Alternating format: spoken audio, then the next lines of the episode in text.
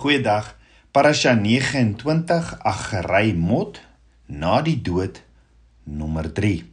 Ons het gesien die dag van versoening of Yom Kippur in Hebreëus is die 10de Tishri. Maar waarom word die dag beskou as die heiligste dag van die jaar in die woord? Van die begin af, van Genesis af, was dit nog altyd Abba Vader se voorneme om 'n diep intieme verhouding met sy kinders te hê. Maar sedert die aanbreek van sonde in die tuin van Eden, is 'n muur van afsondering tussen die mens en Abba Vader gebou. 'n Skeiding wat die hart van Abba Vader diep bedroef het. Plus minus 4000 jaar later, na die sondeval, het Abba Vader sy seun gestuur om daardie muur, daardie skeiding permanent te kom verwyder. Ja Johannes 3 vers 16 sê want so lief het God die wêreld gehad dat hy sy enige gebore seun gegee het sodat elkeen wat in hom glo nie verlore mag gaan nie maar die ewige lewe kan hê. Maar voor Yeshua se koms moes iets intussen gedoen word. Daardie iets was die opofferende feesdag afspraak wat Abba Vader ingestel het waar 'n onskuldige dier toegelaat is om die plek van 'n skuldige man vol sonde in te neem om die prys te betaal wat die mens eintlik moes betaal het sodat hy gepas voor Abba Vader sy Skepper kon verskyn of staan. Dit op die dag van verzoening en dit was die plegtigste en die heiligste dag op Abba Vader se profetiese kalender. Dit was die dag waarop die kinders van Israel se ontdek of uitvind of hulle van al hulle sondes vergewe sou word of nie. Dit was die dag wat al die kinders van Israel afhanklik was van die optrede van een enkele man, die Kohen Hagadol, die hoëpriester. Nou in die dae van die tabernakel en later by die tempel, het die hoëpriester begin met die voorbereiding vir hierdie heilige dag direk na die fees van trompette. Ja, die hoëpriester sou homself afsonder. Hy sou homself inwy heilig die skrifgedeeltes hardop lees en hy sou tyd spandeer om self berou te toon oor sy eie sondes en om ook sy eie behoefte van aan vergifnis en berou te erken. Die hoofpriester durf dan glad nie fokus op die groter sonde van Israel of selfs 'n enkele man nie, want hy's beveel om homself eers voor Abba Vader reg te stel voordat hy die volk by hulle Skepper kom verteenwoordig. Volgens geleerdes die aand voor die dag van verzoening sou die hoëpriester dan ook die instruksies en prosedures lees wat hy die volgende dag sou gevolg het. Ja, die swarte krag van hierdie dag sou sonder twyfel op hom afgedwing word terwyl hy daaraan herinner sou word dat die toekoms van Israel vir die komende jaar van hom afhanklik sou wees en dat hy alles presies volgens die bevele en die instruksies van Abba Vader sou moes doen, nie soos Nadav en Abihu nie. Nou, teen dagbreek op die dag van verzoening sou die hoofpriester homself bad en met die hulp van sy levitiese assistente sou hy die proses begin het. Die leviete het lofliedere gesing terwyl die oggendoffers in die agtergrond aangebied is en die dag het begin. Kort nadat die offers in die binnehof aangebied is, sou die hoofpriester sy koninklike gewaad uittrek en homself in wit linne beklee. Hierdie wit linne sou simboliseer dat geen koninklike klere, geen juwele of goud van enige skoonheid kan voor ons lewende God staan nie. Die eenvoud van die oomblik sou 'n diepgaande en profetiese verskyn voorskouing van die koms van die hoëpriester wees, Yeshua ons Messias, wat bekleed was met nederigheid en arms wyd uitgestrek in nederige en in naaktheid wat voor Jahweh die God van Israel sou staan. Terwyl die hoëpriester gebid en vir vergifnis vir vir hom en sy huishouding gevra het, het hy die onuitspreeklike naam van Abba Vader Jahweh vir die eerste keer sedert die laaste jonkie boer uitgespreek. As die tradisionele offerbokke gereed was en die hoofpriester homself ten volle voorberei het om 'n middelaar tussen die volk en Abba Vader te wees, het hy uitgegaan by die oostelike poort, the way, van die tempel waar die twee bokke gestaan het en 'n loetjie getrek om te bepaal watter een van die bokke vir Abba Vader sou wees en watter bok sou vir Azazel wees, die sondebok. Met ander woorde, Aaron het die lot gewerp oor die twee bokke wat vir hom gebring was.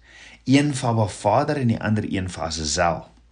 Die een vir Abba Vader was die sonde offerbok wat saam met die sondeofferbul bestem was vir die reiniging van die tabernakel en die volk van enige onreinheid. So hoor gaga, nadat die sondebok gekies is, is 'n skarlakenrooi lap wat die vlekke van ons sondes voorstel aan die kop van die Azazelbok vasgebind en die hoëpriester sou sy hande op die kop van hierdie dier plaas om al die sondes van Israel te bely en hy het dan die sondes van die volk op die bok vir Azazel oorgedra. Ja Levitikus 16 vers 20 van 20 tot 22 sê vir ons en as hy die verzoening van die heiligdom en die tent van samekoms in die altaar volëindig het, moet hy die lewendige bok laat aankom.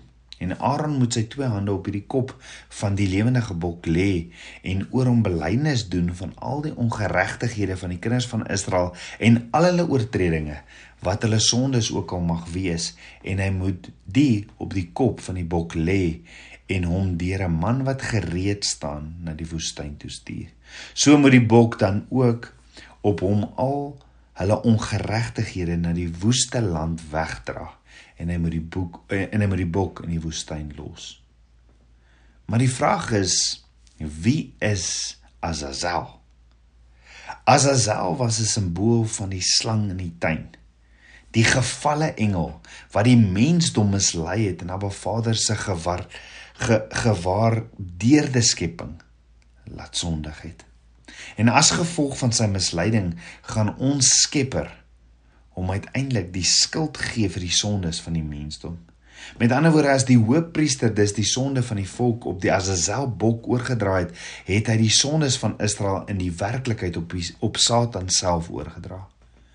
Die bok vir Azazel is 'n afbeelding van die verwydering van ons sonde so ver as die ooste is van die weste want Psalm 103 vers 12 sê so ver as die ooste verwyder is van die weste so ver verwyder Abba Vader ons oortredinge van ons. Sodra die oordrag voltooi was sou hulle die bok in die woestyn toe lei en van 'n kraans afstoot. So die lot vir Azazel is ook 'n sinnebeeld van Yeshua wat ons sondes op hom geneem het en in ons plek die loon van die sonde, naamlik die dood, gedra het sodat ons met Abba Vader kan versoen. Ja, in Johannes 2 vers 2 sê en hy Yeshua is 'n verzoening vir ons sondes en nie alleen vir ons nie, maar ook vir die van die hele wêreld.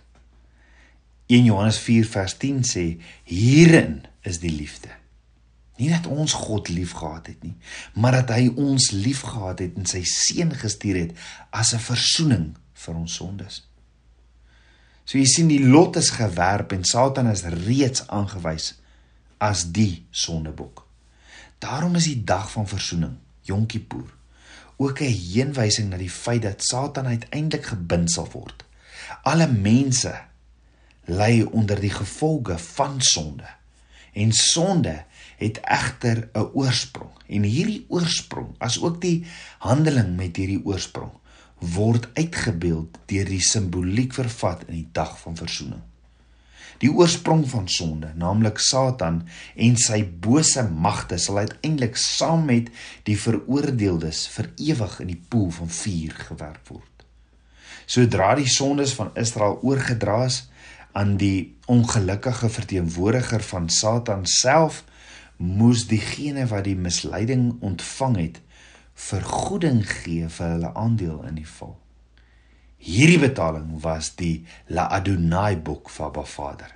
Ja die hoëpriester neem dan die bloed van die La Adonai boek wat aan Abba Vader vir die sondes van Israel geoffer is en gaan terug die allerheiligste in om die bloed van hierdie La Adonai boek te strooi met net soos hy dit voorheen ook gedoen het 7 keer. Nou die getal 7 beteken hierdie volmaaktheid, hierdie volledigheid, hierdie perfektheid van Abba Vader. En Abba Vader leer Moses en sê vir hom om die volmaakte verlossing, die verzoening vir hulle sondes en die vrymaking van hierdie volk van slawerny te kry of vir, vir hulle om dit te kry, moet die bloed 7 keer besprinkel word. Hoekom? Want net so kom Yeshua as die perfekte offerlam van Abba Vader en hy stort op 7 plekke sy bloed vir my en jou. Alles 'n rigtingwyser na Yeshua. Is Yeshua nou myn jou ons hoëpriester? Verseker.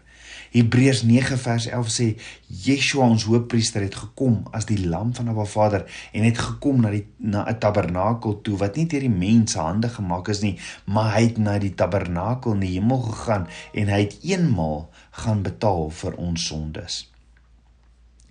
Hy het nie elke keer gaan betaal soos die hoëpriester dit moes doen nie. Dit was een keer wat die lam van Abba Vader gesterf het. So Yeshua het op sewe plekke sy eie bloed gestort, presies soos wat Abba Vader vir Moses gesê het, en dit was dan die volkomme vrymaking gewees van my en jou sonde. Let wel terwyl die hoëpriester in die allerheiligste was, het hy 'n gebed gebid vir die hele volk Israel en vir Abba Vader gevra om die oortredings van sy volk te vergewe en te bedek. En weer eens, as die ander priesters die glorieryke naam van hulle Skepper gehoor het, het hulle dadelik gereageer deur op die grond neer te val en uit te roep: "Geseend is sy heerlike naam, wie se koninkryk tot in ewigheid is." Op daardie oomblik sou die hoofpriester in die gaping tussen die sondige volk en Abba Vader self staan. Soos wat ons hoofpriester Yeshua vandag vir ons intersessie doen by Abba Vader. Jy sien, daar was 'n 'n stilte terwyl die besluit geneem was. En as die belydenis nie berou van die hoofpriester nie opreg of voldoende was of sy offer onvolledig was, sou die hoofpriester net daar dood neergeslaan het en sou daar geen verzoening vir die kinders van Israel wees nie. As die hoofpriester Abba Vader se teenwoordigheid sou oorleef en sy taak voltooi het, sou hy vrylik van die ontmoetingsplek met Abba Vader uitgestap het. Sy gesig het dan geblink soos die aangesig van Moses toe hy voor Abba Vader verskyn het. Die kinders van Israel sou Abba Vader dan toegejuig het in lof en danksegging omdat hy weer hulle sondes bely het en hulle nog 'n jaar nader gebring het aan hom. Hulle is dan vergewe vir hulle sondes. Let wel, dit is belangrik om ook op hierdie punt te noem dat die bloed van die bulle en bokke of enige ander dier nooit vergifnis van sonde gebring het nie. Diere kon nie vergifnis gee of bring nie. Dit is Abba Vader wat vergewe het. Jy sien die loon van die sonde is die dood, maar die genadegawe van God is die ewige lewe in Christus Jesus ons Here. Maar let wel, dit het nog steeds die kinders van Israel en die hoofpriester se gehoorsaamheid wat met geloof vermeng was gekos om dit te doen. Met ander woorde dit was nog altyd uit genade deur geloof en nie deur werke waarop iemand sou kom roem soos die apostel Paulus sê nie. Maar dit is deur ons gehoorsaamheid dat ons ons geloof toon want geloof sonder werke is dood soos Jakobus sê. Die feit van die saak is vergifnis is 'n saak van die hart wat bewys moet word deur ware en werklike berou en dan gerigsteen word met die instruksies wat Abba Vader vir ons gegee het. So die doodmaak van 'n van 'n onskuldige dier was Abba Vader se manier om hulle die erns van hulle sondes te laat besef. So die hele dag van verzoening beklemtoon die erns van ons sonde asook die ernstige gevolge daarvan. Yeshua het nie net ons hoëpriester geword in die orde van Melchisedek nie. Nee, ons weet, hy het ook die Azazel bok geword wat al die sondes van die kinders van Israel, asook myne en joune, op hom geneem het. Maar dan, hoor gou-gou. Yeshua het ook die restituisie offer, die La Adonai bok offer van Vader geword. Met ander woorde, Yeshua het elke simboliese deel van hierdie hele dag, die dag van verzoening, kom vervul. Yeshua was waardig om die middelaar te wees omdat hy geen sonde gehad het nie. Hy het sy lewe gegee soos die La Adonai bok gedoen het om vir ons sondes te betaal en hy het al ons sondes op hom geneem. Let wel, die tyd om die sondes van die mensdom op die vyand oor te dra het nog nie plaasgevind nie. Daardie dag gaan binnekort op Yom Kippur, die dag van verzoening aan die einde van die tyd aanbreek. Yeshua, ons hoëpriester, gaan self met hom afreken. Kom ons bid saam. Aba Vader, skieper van my hart, Aba ek loof en ek prys U. Vader, vergewe my my sondes, was my skarlakenrooi, daar waar ek so skarlakenrooi is van sonde en was my spierwit so sneeu. Dankie vir U liefde en die volle prys van die lam van God. Dankie, dankie vir Yeshua alles kom vervul het. En wat die wat wat ons hoëpriester is.